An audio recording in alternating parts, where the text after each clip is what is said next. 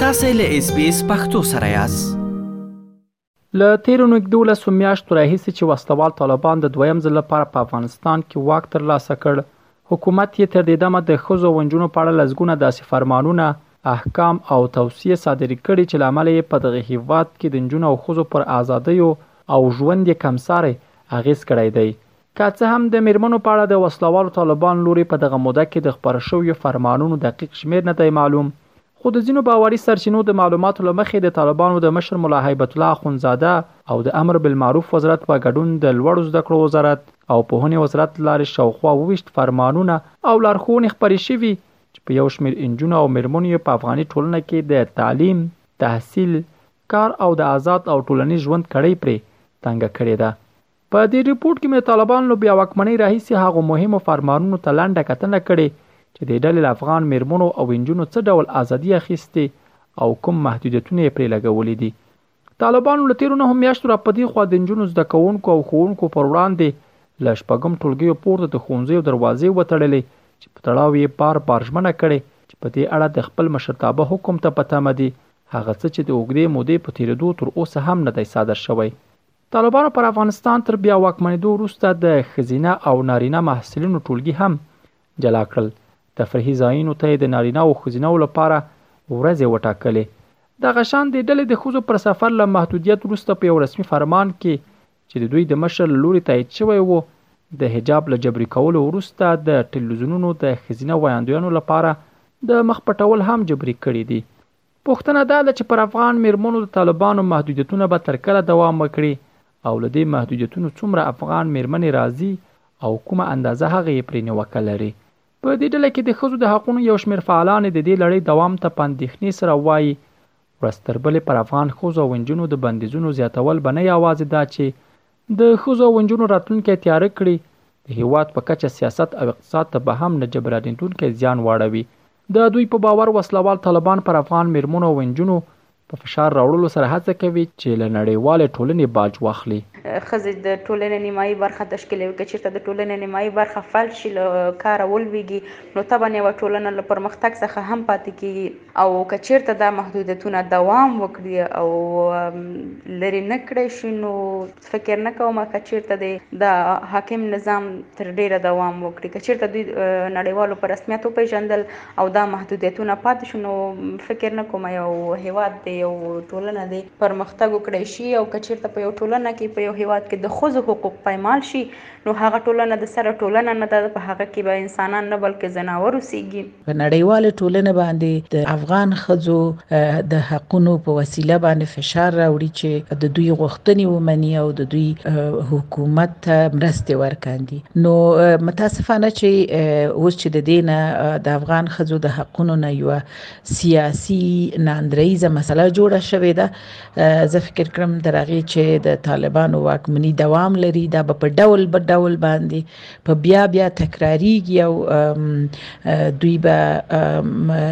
د افغان ښځو د حقونو نه همدغسې یوه ناندریزه مسله جوړوي که څه هم د کار، تعلیم، سفر، سوداګرۍ او په دولتي او حکومتي ادارو کې د ښځو پر وړاندې د بندیزونو په غبرګون کې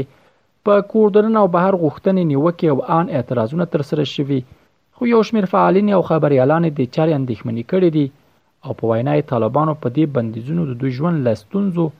ناڅرګند او تیاره برخلیک سره مخ کړی دی.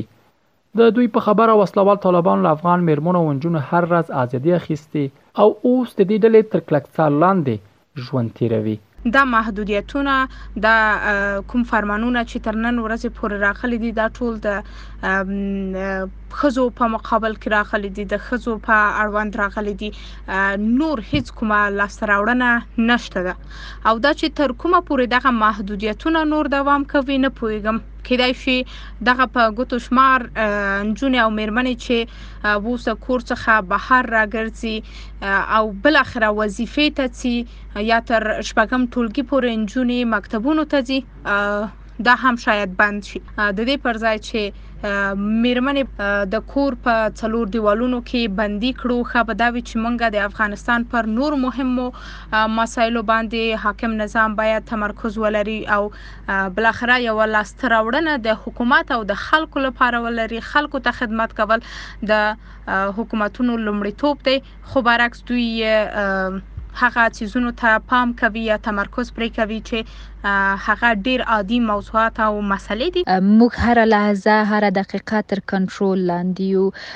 هر کله چې موږ خبرونه پر مخړو خبرونه وایو کله چې دا په سوشل میډیا کې نشریږي لا هم لایف خبرونې وي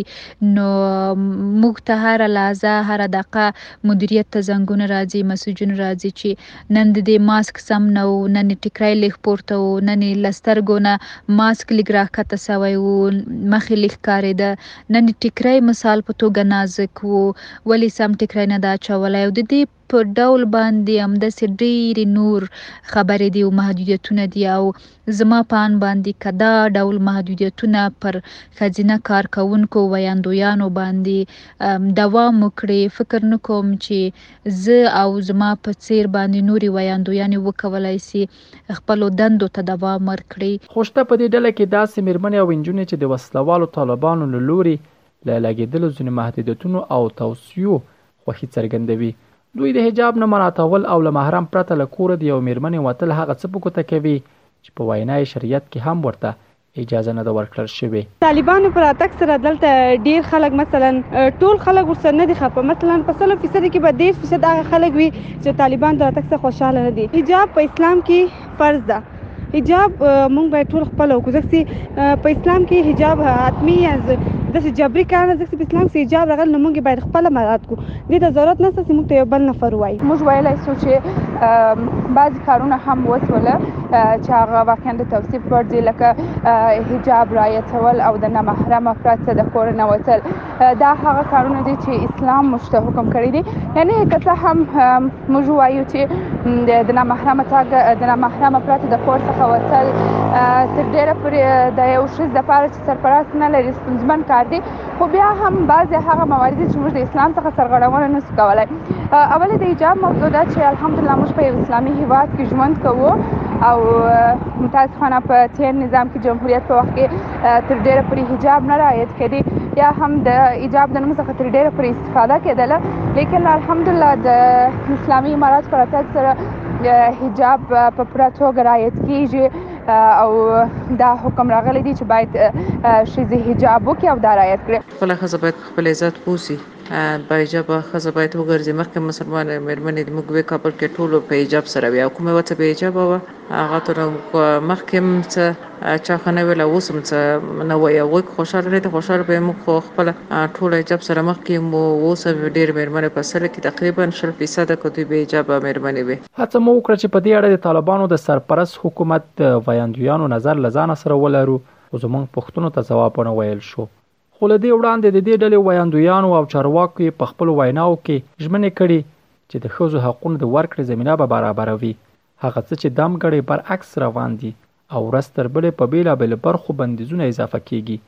رحیم الدین اوریاخېل، ایس بي ایس راډیو، افغانستان. ایس بي ایس پښتو په فېسبوک کې تعقیب کړئ، مطالب یې خوښ کړئ، نظر ورکړئ او له نورو سره یې شریک کړئ.